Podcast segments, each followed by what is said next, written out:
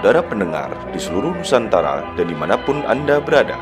Kita kembali dalam Hanya Wacana Podcast langsung dari Kedai Jante di Perpustakaan AI Prosidi, Bandung.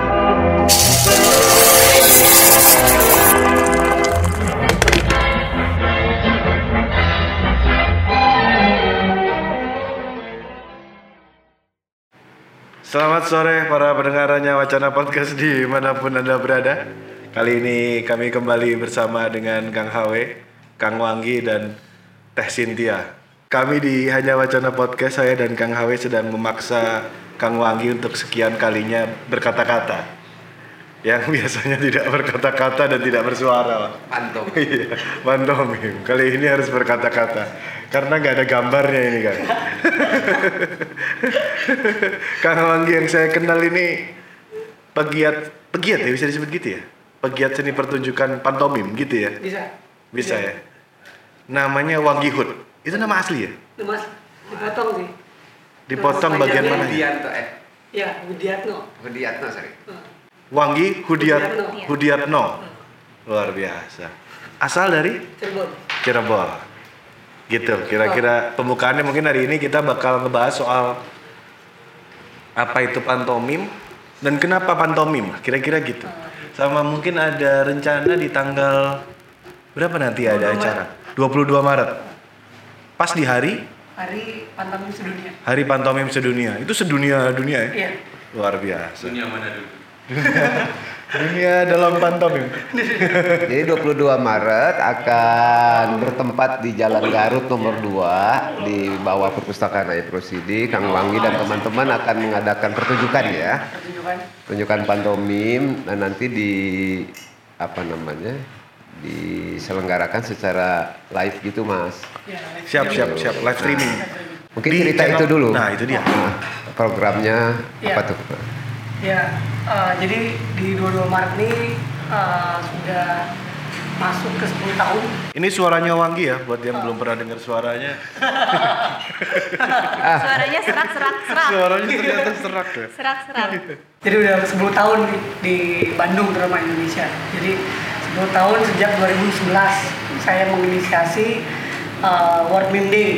World Meme Nah, Day. yang terkenalnya itulah yang terkenal pantomim World Meme Day sejak 2011 sampai sekarang 2021. Jadi tiap tahun kita memperingati itu hari kelahiran eh, maestro pantomim. Terus dia legendaris juga Yaitu eh, Marcel Marcio. Nah, Marcel Marcio. Marcio, ya.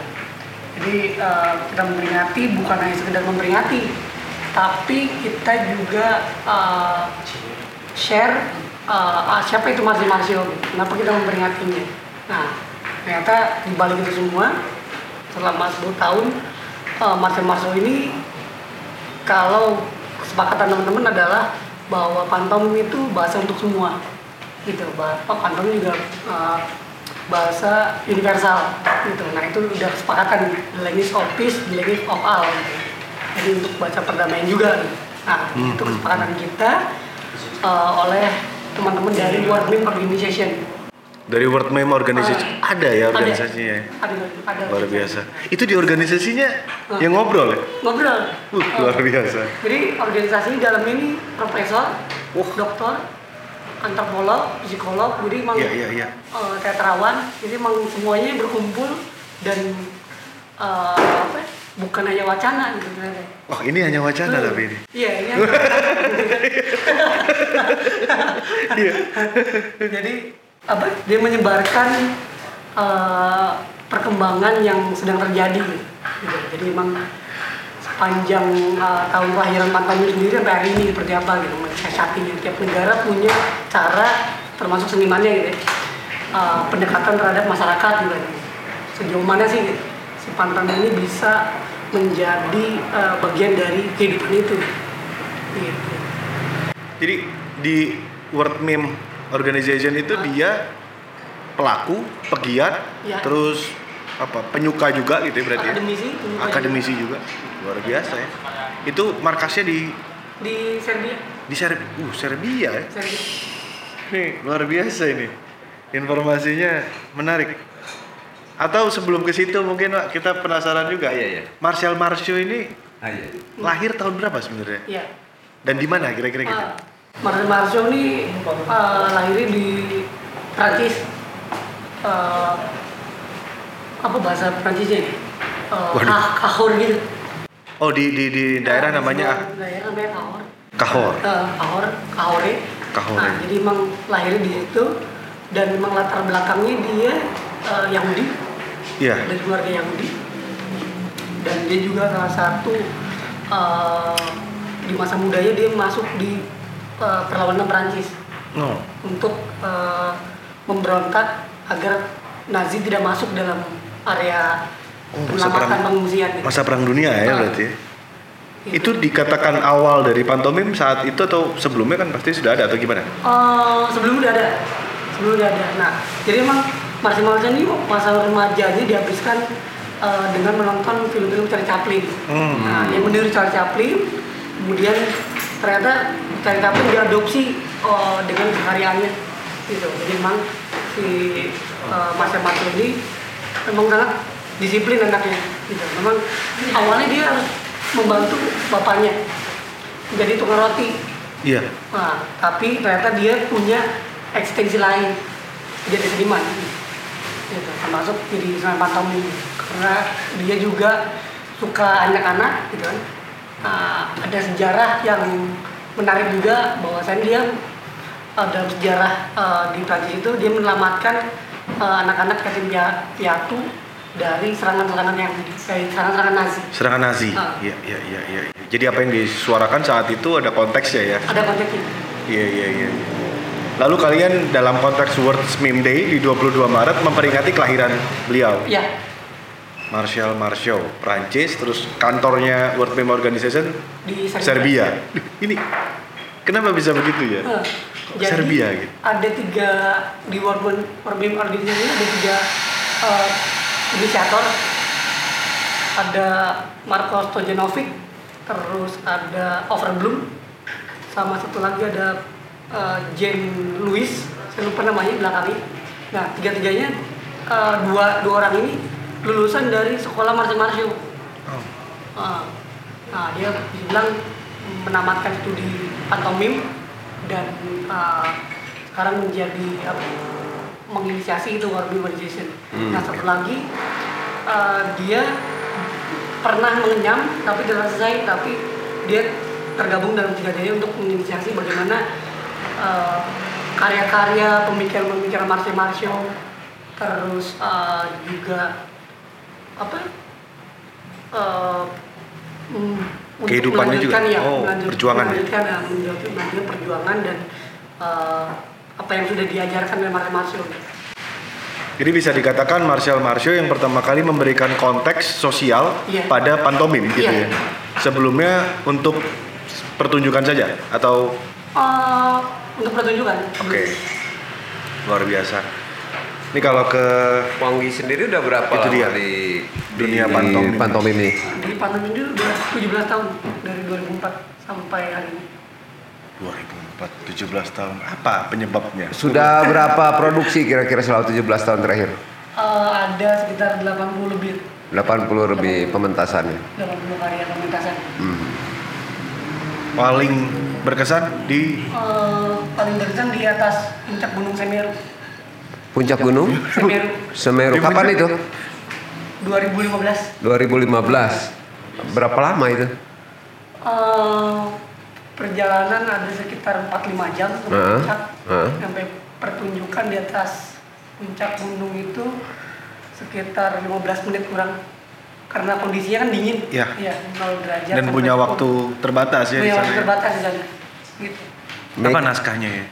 Eh, nah ini yang menarik ketika di atas puncak emang tidak ada persiapan jadi persiapannya dalam artian eh, mau ngapain gitu Gitu, nah tapi udah udah apa di tas ini di daypack ini udah ada make up gitu. makanya akhirnya dengan kostum sadanya yang ada di badan make up juga udah posisi tangan drag drag gitu nah itu saya minta izin dulu sih sama yang punya tempat bahkan ibaratnya eh, gimana rasanya gitu bergerak dengan suhu seperti eh, suhu dengan kondisi suhu seperti itu gitu. nah akhirnya ini juga koneksi alam juga sih Jadi kayak bergerak aja ketika matahari muncul, nah itu mulai mulai tuh kayak ada kehangatan dan saya bergerak gitu. Dan memang apa ya, kami bilang ini ada alam-alam lain yang ikut turut membantu. Aku bisa ngerasa tiba-tiba Wangi ini energinya keluar gitu. Aku jadi takut sendiri dari tadi ngeliatin Wangi. Itu ada yang nonton gak di puncak? Eh, yang nonton ada sekitar yang sampai puncak 20 15 orang. Bagus. Ya. Itu juga tujuannya mereka cuma moto moto keadaan di sana. Hmm. Oh, tiba-tiba ada momen Udus Gembel muncul Iya. gitu. Ada Hmm. tiga empat kali letusan Udus Gembel. Nah, gitu. Terus di Bandung pernah main juga di kuburan kan? Iya. Di mana aja tuh? Eh, tahun berapa itu ya? Saya lupa. Eh, Di 2017 2017 ya? 2017 2020 kemarin juga. Heeh. Di kuburan mana aja sih waktu itu? Ah, di ada di Pandu terus sama di eh, makam yang daerah tanahnya Oh makam iya iya. Sumana atau Sumana. Hmm, hmm, hmm. Di kita ada sekolahnya nggak? Nah, Pantom Iya. ini. di Indonesia nggak ada Wangi kan dari STSI. Ah. Oh, berarti bisa dikatak di jurusan apa teater? Teater. Sebelum itu pasti udah ada latar belakang minat kan di mana Iya. di, di SMA atau sejak SMP? iya dari 2004 berarti SMA ya Hmm. gitu, dari SMA memang eh, apa, hanya lewat YouTube Hmm. foto-foto internet gitu. terus eh, belum tahu lah apa itu apa nah semenjak di perkuliahan di kampus di TSI itu nah ketemu lah beberapa teman-teman yang interest juga ke situ Hmm. akhirnya dapatlah sumber-sumber referensi kayak tulisan buku gitu, terjemahan eh, The Art of Pantomime eh, karya Claude Kipnis gitu nah yang juga 945 juga Hmm. dari YouTube juga. Nah, lebih dominan, dari YouTube karena si Marcel Marceau ini memang uh, apa ya? Ya saya cinta sama Marcel Marceau karya-karyanya tuh, wah ini visioner gitu, visioner banget gitu. Dan memang menyentuh kehidupan dan kemanusiaan kita gitu. Iya iya iya. iya. 17 tahun eh 17 tahun 80 pementasan 80 pementasan. di berbagai ya dari puncak gunung sampai kuburan ini menarik. Waktu kecil apa? Nonton sempat nonton Septian Dwi Cahyo di Iya. TVRI? Ya karena apa? Zaman-zaman TVRI ya nonton, nonton. Sama Pak Jemek ketemu. Ya, sama Pak Jimek ketemu, Mas Septian juga sudah ketemu. Hmm. Jadi emang para pelaku pantomim di Indonesia sendiri eh, udah udah pernah sharing dan ketemu. Hmm. Dan mereka tahu apa yang saya lakukan. Iya iya. iya. Ada masa depannya nggak ini? Iya. Pertanyaan yang tiba-tiba harus dijawab dengan gerakan pantomim. Pantomim kayaknya. Dalam. harus dijawab dengan gerakan Nggak, maksud pantomim. saya jangan sampai ada masa lalunya aja. Ya kan masa depannya kira-kira iya, iya. gimana ini? Ini yang menarik yang berarti kayaknya di Indonesia sendiri belum pernah dibahas ya. Hmm. Aku tanya dong. Eh, Jadi Mau apa nih? eh, No. eh, si ini apa, masa depan Pantomim. pantomim ini Video itu kan itu udah pernah dibahas sama World Organi- Organization. Word meme. Hmm. Government Organization. Secara global ya Iya, dibahas. dalam konferensi uh, internasional. Ada Ada konferensinya ya. Tahun ini tahun kedua udah beres kemarin di uh, Serbia juga. Di Serbia juga. Via online juga. Di Indonesia ada berapa banyak? Ah, Anggi? Oh, pelaku. Ah. Oh, pelaku ada yang intens itu tujuh. Tujuh. Uh, Di ma- tapi generasi ke saya lah itu. Ah, di mana aja tuh Mas Jemek di Jemek di Jogja, Jogja, di Jakarta, Septian Jakarta, Wanggi di Bandung. Lagi di Bandung, eh, terus ada yang Undur Jakarta, Hmm. eh, terus ada di Jogja banyak nih.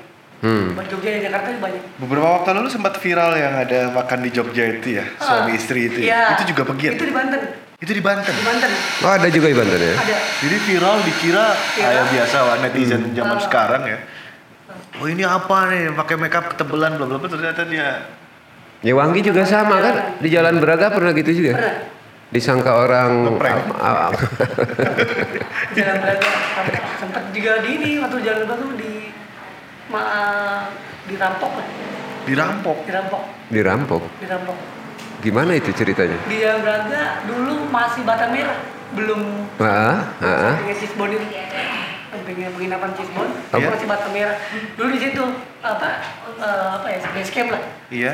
titik di mana bisa beraksi gitu Heeh. Nah, dirampok itu malam minggu eh, lagi perform didatengin dua orang naik motor ranking satu satu turun mepet kira minta uang mau minta barang-barang yang kabur Iya. cuma handphone handphone gua satu, satu temen kamera udah diamanin akhirnya kita nyerahin handphone satu orang ketangkep karena ditarik dari motor lanjut diproses ke sumur Bandung sampai pengadilan.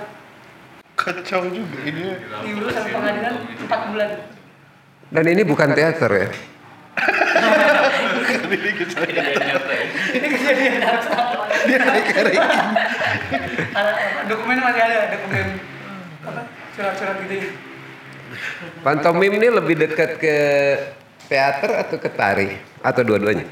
dua-duanya dua-duanya ada prakteknya ada A- apa yang diambil dari tari dan apa yang diambil dari teater? dari tari eh, praktek ini ya gestur Gesture. Eh, Hmm. koreonya lah gitu. Hmm, koreonya hmm. kita ambil dan ada juga metode-metodenya dalamnya Hmm. kalau dari teater itu ada eh, pola panggung gitu. Hmm. Ada plot panggungnya eh, sama lighting gitu. dan memang ba- baik lagi sih kalau udah ke teater ya kita mengamati panggung Meme ini kan dari uh, main- meniru ya secara harfiah. Eh, mungkin kaitannya ke mimesisnya Aristoteles gitu. ya. Pantogerak. Sebetulnya yang ditiru oleh seniman pantomim men- apa apa itu? banyak Hmm. Banget karena Gerak alam. iya gerak manusianya gerak Hmm. alam gerak tumbuhan gerak binatang gitu. Nah, itu banyak banget yang ditiru karena apa ya kita diem aja udah banyak yang bergerak gitu. Hmm. banyak yang bergerak lah Coba contohnya mas. biar biar bisa ditangkap oleh pendengar. Anu. ini saya lagi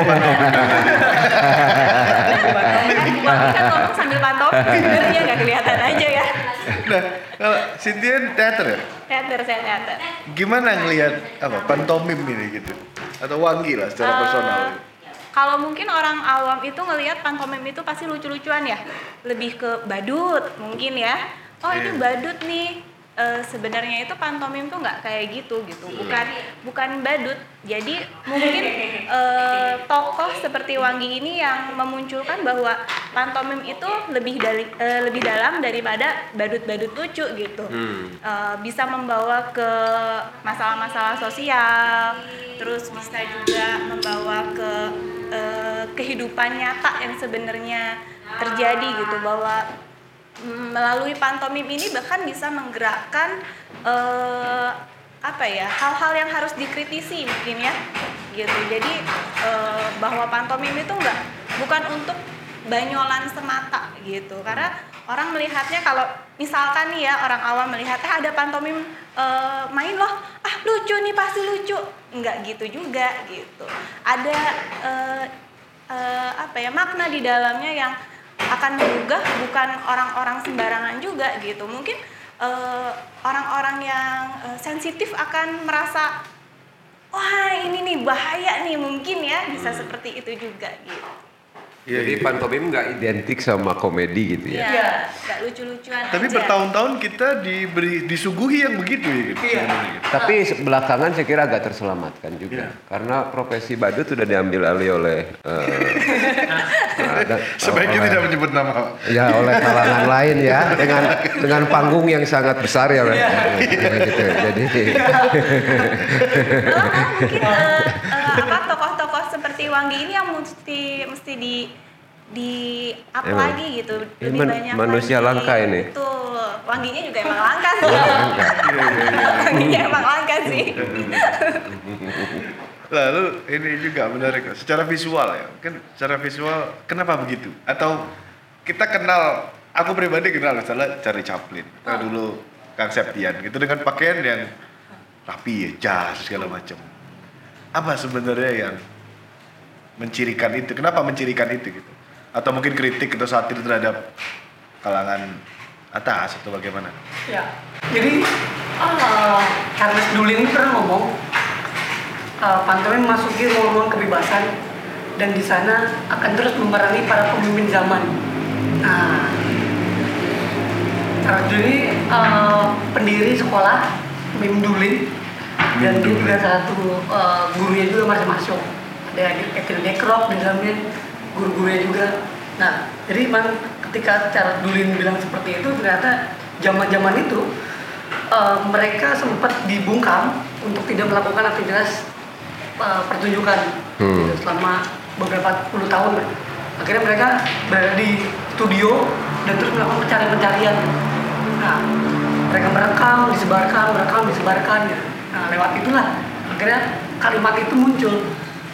Ini udah udah masuk pada pengekangan tubuh kita nih. Gitu kita nggak bisa bergerak nih cuman kembali lagi kita punya apa ya, pemikiran gitu. kita punya uh, bahasa ya udah kita bikin tulisan dan kita sebarin lewat uh, perangkat pada saat itu video buku-buku mereka bikin apa kalau sekarang zin kali ya Hmm. yang menyebarkan itu gitu jadi emang uh, apa yang sudah dari dulunya itu udah memang udah seperti itu gitu.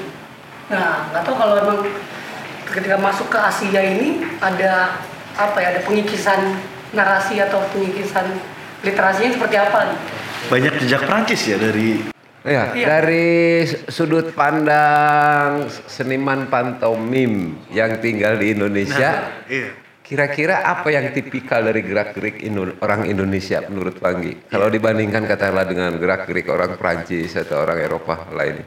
Eh, gerak-gerik orang Indonesia tuh ringkih Ringkih dalam arti ringkih dalam arti dia ternyata punya kekhasan gitu ya eh, gesturnya yang itu nggak nggak ada di nggak ada di Eropa gitu ini misalnya, menarik misalnya. ini. jadi Misalnya dipraktekkan ini kelihatan gak nih? menarik ini. Nah, ya? ada apa ada semacam apa bahasanya bah tubuh etika gitu. Nah, Tubuh etika. Maksudnya lebih rikuh gitu. Gerak-gerik orang Indonesia itu. Lebih rikuh jadi kurang bebas gitu. Atau gimana? Justru misalnya dia punya punya apa ya tata krama yang yang khas gitu. Tiap tiap daerah punya tata krama yang khas. Hmm, Nah, hmm. Gak tau kalau di dibahasakan itu kayaknya beragam. Tapi kalau pakai bahasa tubuh kok sama semuanya. Menarik nih. Jadi gestur Misalnya gestur lagi apa misalnya? Ya, misalkan eh, gestur eh, pada posisi dia berbicara pada orang lebih Tua. tua umurnya. Hmm. Nah itu pasti sama tiap daerah itu diposisikannya. secara gestur. Secara ya? gestur. Meskipun bahasanya Iya. Menarik ya. Nah, Iya, iya, iya. tapi di Eropa Secara gerak. Kalau di Eropa? enggak. Ah. Iya iya iya di iya. Eropa malah ya sama kita gitu. Oh, jadi gesturnya lebih kaya. Iya. Luar biasa. Oh, jadi kita secara ada tubuh etika tadi ya. Ada tubuh etika. Konteksnya etika Ah, Indonesia ya. etika- Ada contoh nggak ketika Wanggi mau mementaskan satu produksi pantomim? Iya. Eh, studinya seperti apa? Persiapannya untuk mempelajari gerak-gerik ini di Indonesia? Eh, pasti kalau udah masuk ke pertunjukan kayak kayak mudah gitu ya. Hmm, hmm. Nah, juga melalui itu sih melalui riset gitu, terus Hmm. terus dibongkar lagi risetnya. Nah, jadi lebih banyak melihat dan harus ke tempat-tempat yang ibaratnya ini ini apa ya tips sih ya bukan tip apa ya? Ya cara saya ya cara saya bisa terus memperhatikan orang-orang. Yang ibaratnya ini jadi sampel untuk jadi karya ambil beberapa uh, kolase kolasenya oh. Ini seperti ini gerakannya gitu. Ini seperti ini gerakannya. Dan saya coba untuk alamin itu tubuhnya. oh begini ya oh. Kok ada otot-otot yang ini? Wah hebat juga ya orang ini gitu. melakukan gerakan itu gitu saya aja nggak sanggup gitu. gitu jadi makanya itu harus terus dicoba gitu. Ada atau tidak nih gerak di Indonesia yang kemudian tidak bisa diungkapkan lewat gerak? Ada bisa bahasa atau kata-kata yang ini harus ngomong nih, ini nggak bisa lewat gerak gitu. Pernah nggak mengalami itu? Atau mungkin di dunia bahkan? Ah, ah, Atau semua bisa lewat gerak? semua bisa lah gerak semua lebih bisa lah gerak bahkan itu tadi ada alam di alam lain pun akhirnya kita bisa kayak gerakin gitu. gitu. Kalau posisi diam termasuk kategori gerak juga di Gerak. Itu gerak ya. pencapaian tertinggi itu diam adalah pencapaian tertinggi dari seluruh gerak. gerak Karena Very good. orang bisa memahami. iya Wonderful. Karena dia mungkin paling susah kali ya untuk manusia dia. Betul nggak Wang? betul Jadi mati itu puncak pantomim ya. bisa kemungkinan Eh, iya mungkin ya. mungkin ya. Karena puncak kehidupan juga mungkin mati ya. Iya iya iya. Benar-benar. Jadi mungkin masa depannya pantomim adalah diam. itu dia. Saya kira terjawab tuh pertanyaan tadi. Waduh, waduh, waduh. Iya, iya, iya. Tadi kan Wangi cerita soal lokasi ya di puncak Semeru. gitu ya. Kalau dari konteks ini mungkin Pak, naskah, ada nggak cita-cita yang "Ah, aku pengen mentas ini ini nih? di kedalaman lautan Itu lokasinya, tapi mungkin nah, cerita yang iya, kamu mau. iya ceritanya itu mem- mem- membicarakan tentang ikan-ikan Oh, iya iya iya. Ah. Aku salah sambung. kehidupan laut itu. gitu ikan-ikan gitu Maksudnya membayangkan main di dalam laut. Ya Tapi memang ikan juga nggak ngomong ya. iya Jadi, Ya memang agak agak susah mengundang ikan keluar dari kolam. Mendingan mengundang seniman patomin masuk air ya. Itu lebih realistis ya.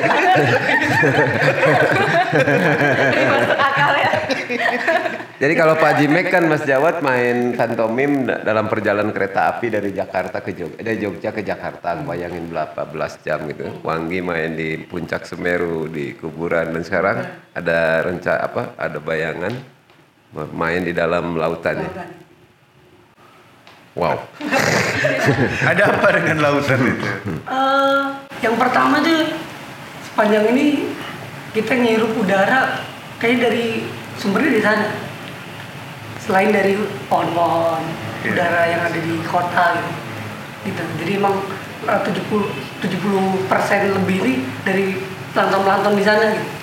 Jadi ini pemikiran semua pelaku pantomim harus sedalam ini kayaknya. Nggak, saya jadi ingat cerita De- Denny manusia ikan. itu Wangi pantomim di ikan. ma- majalah apa ya dulu waktu saya remaja? Oh, majalah Hai ya. Apa Mas Wendo? Eh, Iya Denny manusia ikan. Kebayang wangi yang main. Karena kan di Indonesia juga ada dari suku mana gitu dia bisa berjalan di dasar lautan. Dan ikan-ikan itu ternyata saya baru sadar seniman pantomim kan. Mereka nggak bicara satu sama lain, bergerak. Yang tadi suku baju baju, ya. bergerak, nggak bicara ya, ya. nggak ngobrol ya. Iya ada. Nggak ngobrol. Ngobrol melalui bahasa tubuh. Isyarat bahasa Bahasa tubuh. Untung tadi pas pesan kopi di sini ngomong. Nggak paham tadi. Eh, favorit. Iya iya iya iya. Jadi dalam dunia nyata ya, dalam dunia nyata eh apa enggak gimana ya membayangkan hari ini melihat pertunjukan di dunia nyata dan pertunjukan dalam arti pertunjukan. Terus pernah nggak terjadi itu tertukar gitu? Gi? ya, ini yang banyak orang bicarain sih. Gitu. Maksud lu kayak Don Quixote itu. Siapa tahu, Pak. Delusi. Delusi. Siapa tahu gitu. Pernah tiba-tiba refleks pantomim. Nah ini yang apa? Saya selalu mengontrol apa kesadaran. Nah, jadi Oh, itu menarik. ada eh, ada posisi di mana ketika eh, selesai pertunjukan itu kadang ke bawah. Nah, beberapa kali memang coba untuk ngontrol gitu, ngontrol kesadaran. Bahkan kayak berarti toh pantomim sendiri juga eh, kan berarti masuk di imajinasi gitu. Gitu, benda yang nggak ada jadi ada seolah-olah ada. Nah, itu itu itu Ah, maksud iya iya. gitu. Nah, kalau di pertunjukan biasanya gitu, akhirnya mengatur nafas untuk sadar bahwa saya ini sedang bermain. Sejauh mana gerak pantomim itu bergantung pada alam benda. Iya. Eh, lewat kalau saya lebih ke Benda-benda itu tidak harus selalu ada kan? iya Tidak selalu harus ada gitu Ah, kan? Iya, Dan lewat gerak kita mencoba menghadirkan menghadirkan benda-benda itu seolah-olah secara visual benda Ah. itu hadir ya. hadir. Nah itu kesulitannya di mana tuh untuk seperti itu? Eh, kesulitannya cukup ini cukup apa? Eh, kalau buat seniman pantomimnya berat karena kita harus meyakinkan si penonton. Nah buat kita yakin ya kita udah yakin. Tapi kalau kita nggak yakinin penonton ya itu lewat aja udah gitu. apalagi yang nonton gitu. Yang nonton ketika tiba-tiba dia ngeliat handphone atau ngobrol kiri kanan udah kelewat gitu si ceritanya Oke, oke. Jadi m- gimana dengan situasi kalau online itu gini? ya Maksudnya kalau dari sisi penonton kan dia harus terus mengikuti ya. Iya. Tapi dari segi si pelakunya sendiri, ketika tidak ada penonton di hadapannya, di hadapan dia hanya kamera, gimana membuat dia yakin terus bergerak gitu? Ah, ini yang menarik. Jadi selama uh, di pandemi ini itu ya saya bersyukur ya masih bisa ada beberapa kegiatan yang online gitu ya. Dan itu selalu jadi uji coba, Pak. 2020 Maret aja itu Hari Pantomim saya memperingati lewat dua kanal platform Facebook Live sama ya YouTube, eh YouTube, Instagram Live. Instagram Live. Nah, nah, itu udah kelelahan gitu. Lewat dua platform itu udah capek dan hilang rasa rasa apa koneksi antar uh, saya Audiens. imajinasi sama audiens karena emang bunyi DM bunyi chat WhatsApp gitu gitu ada yang ngetek apa tintong tintong tintong udah nggak fokus ya dan rasanya udah hilang gitu. dan sebatas orang komen keren saya sedih gitu. kok bisa gini gitu Ganggu gitu ya itu ngeganggu Durasinya berapa putus lama? putus lagi Untuk, untuk waktu itu untuk durasinya berapa? satu jam Satu jam, satu satu produksi. satu produksi satu jam. Jadi Naskah bikin sendiri. naskah bikin sendiri Wow. dan beberapa kali ya coba untuk interpretasi dari apa karya-karya yang lain Hmm. Oke. Nah untuk program nanti tanggal 23 apa yang dipentaskan? 22. Hah? 22. 22. Ah, 22 Maret. untuk 22 Maret 2021 ini di hari pantom ini kebetulan ini juga saya nggak tahu dapat dari mana ya? Saya juga bingung juga ini Eh, Dapat dari mana? eh, tiba-tiba kayak apa ya lihat air hujan ada bahasa netes. Oh netes. Terus kemudian ketemu, ketemulah peribahasa yang eh, ada netesnya. Natas netes nitis. Oh ternyata ah, peribahasa ini berbobot sekali. Oh, berat banget ya. Ternyata artinya itu bersama Tuhan manusia ada eh, dengan Tuhan manusia hidup dengan Tuhan manusia kembali. Wah ini udah makin religius ya. Gue bayangkan pantomim yang komedi. dari dari ngeliat hujan tetesan hujan saya coba cari istilah netes ini apa gitu KBBI nya lagi beliau nemu itu peribahasa itu. Natas netes nitis. Wah ini deh rujukannya gitu. gitu karena mungkin di pandemi ya beberapa orang religius aja gitu termasuk termasuk wangi lebih religius lagi Beberapa orang religius tapi akhirnya. akhirnya religius. kenapa kenapa kita Iya, iya. Soal itu, Pak. Gerak ya tadi Wangi banyak ini terus kemudian gerak Prancis kalau dia baca gerak di Nusantara ada samaan dan segala macam meskipun bahasanya berbeda. Kita sendiri sebenarnya di Nusantara atau di Indonesia ada, ada yang polanya serupa atau enggak sebenarnya dengan pantomim ini? Mungkin dalam gimana ya? Mungkin di Tradisinya gitu. Iya, tradisinya. Saya kira banyak ya. banyak Banyak loh. tari topeng Tari Hmm. topeng. iya tari topeng terus ada di Bali juga Hmm. Oh, debus. Berutuk Debus. Debus. pencak silat Pencak silat. Nggak ada, nggak ada pesan verbal. Iya, iya, iya. Jarang ada. Tapi Oh. geraknya oke. ya. Iya. Oke. Kecuali silat lidah ya kan silat lidah kan ngomong ya kan. Harus ngomong. Ketemu Ya, kan dalam dalam pemahaman umum mengenai komunikasi kan ada keliru anggapan Iya. bahwa gestur itu hanya alat bantu untuk memperkuat maksud kata. Kata. Ya di pantomim ya gestur ya kata Intinya, itu sendiri iya. gitu loh. iya Message-nya itu sendiri. bahasa Kan bisa berbohong. ya. kalau di komunikasi verbal itu gerak itu semua elemen suprasegmental Eh, apalah gitu. Tapi di pantomim kan enggak. Enggak. Ya itu gerak urusan. Jadi semacam wordless theater ya. Iya. Eh, teater. Dulu eh, Mas Willy almarhum Iya. bikin teater mini kata gitu. Betul. Se apa seminimal mungkin, Mungkin. gitu ya, seminim mungkin kata. Betul. Nah Wangi benar-benar tanpa kata. Ah, Ya, itu. itu dia saya kira. Iya iya iya. Dan kita ini udah sampai melibatkan Tuhan di dalam obrolan ini. Saya juga, ini saya udah mulai pantomim nih. Saya nggak berkata-kata.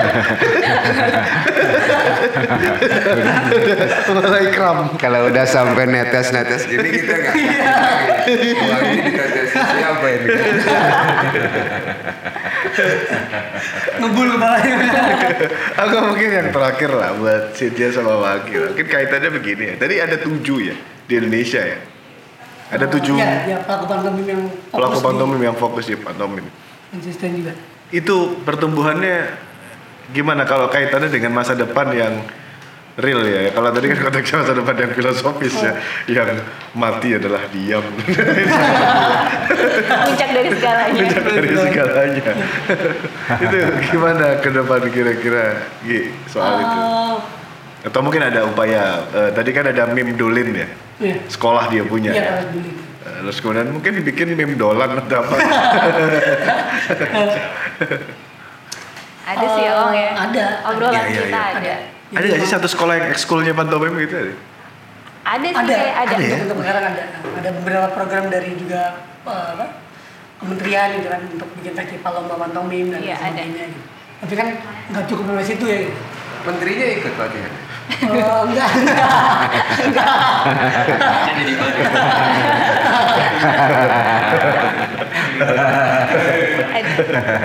ada, eh, dalam yang acara kita tanggal 22 ini ya Kang Wanggi ya. Kebetulan kan kita ada video eksperimental juga gitu. Jadi eh, menanyakan masyarakat masyarakat umum berbagai profesi juga gitu. Dalam rangka memang untuk itu ke depannya eh, kami itu udah ada obrolan. Gimana sih kalau misalkan ada suatu wadah gitu yang eh, kita mau eh, menggali? Ternyata ada loh potensi ini nanti kita akan eh, apa ya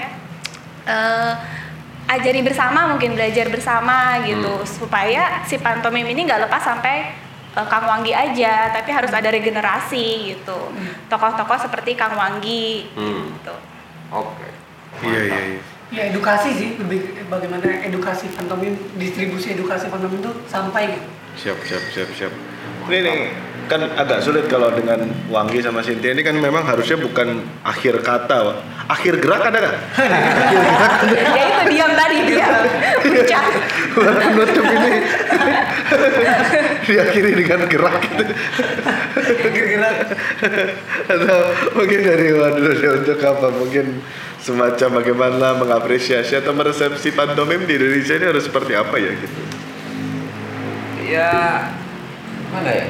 Paling nggak kita itu tadi mengingatin eh, pentingnya gerak di dalam apa ya kehidupan bersama sehari-hari dan ternyata kita punya tadi dari Wangi kita dapat pemahaman ya bahwa punya ciri khas tersendiri ya di dalam eh, gerak-gerik eh, tubuh kita ya yang mungkin agak berbeda dengan gerak-gerik di wilayah lain ya. Jadi tubuhnya makin jelas sesuatu yang dipelajari. Saya tertarik dengan kata terakhirnya itu mungkin bisa direspon sama Wangi sama Cynthia mungkin soal gerak gerik ya. gerak geriknya mencurigakan ini. Gimana soal soal gerak Gerakan ini loh, soal gerakan. apakah pernah pergerakannya jadi diawasi? Aduh. Gimana? Gimana soal itu gitu terakhir mungkin bagiannya di situ. Ada eh, upayanya kan tadi kalau balik ke depan bisa menutup ke belakang bahwa si gerak itu dilakukan di Prancis sih awalnya untuk sebuah movement sosial ya gimana kemudian lo melihat di Indonesia apakah banyak juga pergerakan sosial ini Pak, bisa diwadahi lewat pantomim gitu ke depannya gitu. Orang kan bisa misalnya aksi bisu dan lain-lain. Bisa. Aksi kritik sosial kritik sosial. Iya, Kritik sangat sosial. bisa sangat bisa karena itu juga udah dilakukan oleh teman-teman Prancis jadi melalui gerakan jangan bunuh diri Nah, 2010 di Prancis itu ada gerakan jangan bunuh diri. Nah, jadi ada salah satu tokoh tradisi di di, di Paris, Pirot. Piro. Nah, Pirot salah satu juga seniman pantomim, tapi dia membawakannya eh, karakternya dengan cinta gitu. Jadi kayak tema cinta gitu. Gitu. Nah, Pirot ini jadi satu gerakan eh, semua warga Prancis waktu itu menolak menolak bunuh diri ini pakai gaya Pirot semuanya putih, pakai topi kayak peci gitu, topi Iya. putih. Nah, terus dia cuma diem aja. Nah, gitu. Nah itu pantomim. Pantomim. Gak bisa lihat nih. beda. Nah, iya. Diem dia beda loh. Gak bisa dilihat ya. Harusnya bisa dilihat ya. Barusan gue skill diemnya beda. Tapi Sekian kayaknya detik berubah jadi pertunjukan dia. Pesan itu bisa disampaikan ke Indonesia juga ya. Iya. Terus Khususnya ke lingkungan tradisi ya. Jangan bunuh diri ya. Jangan bunuh diri. Ulah neluh maneh lah gitu. Iya. Gimana sih? Ada satu eh, respon terakhir untuk obrolan ini. Respon terakhir untuk obrolan ini bahwa apa ya? eh tanpa kita sadari eh, sehari-hari kalau kita sudah tidak bisa bicara verbal, eh, tubuh kita adalah eh, kalimat itu sendiri. Gitu. Tubuh kita kalimat itu sendiri. Kalau kita udah nggak bisa ngomong, pasti orang akan bergerak. Gitu. Luar biasa, luar biasa ini dari obrolan ini pada sore hari ini ya. ini lagi mau mencoba ini. Kalau kan cuma mulut gitu. kalau keseharian gue yang banyak ngomong ini harus diganti tubuh, keringetan gitu. Tapi penutup yang pas lah mungkin bahwa Wangi dan Cynthia menyadarkan satu hal bahwa kadang-kadang kata-kata itu hanya wacana sementara gerak bukan hanya wacana tadi. Iya. Sedangkan ini podcastnya hanya wacana ya. Luar biasa terima kasih Wangi, Cynthia, Kang Hawe buat hanya wacana.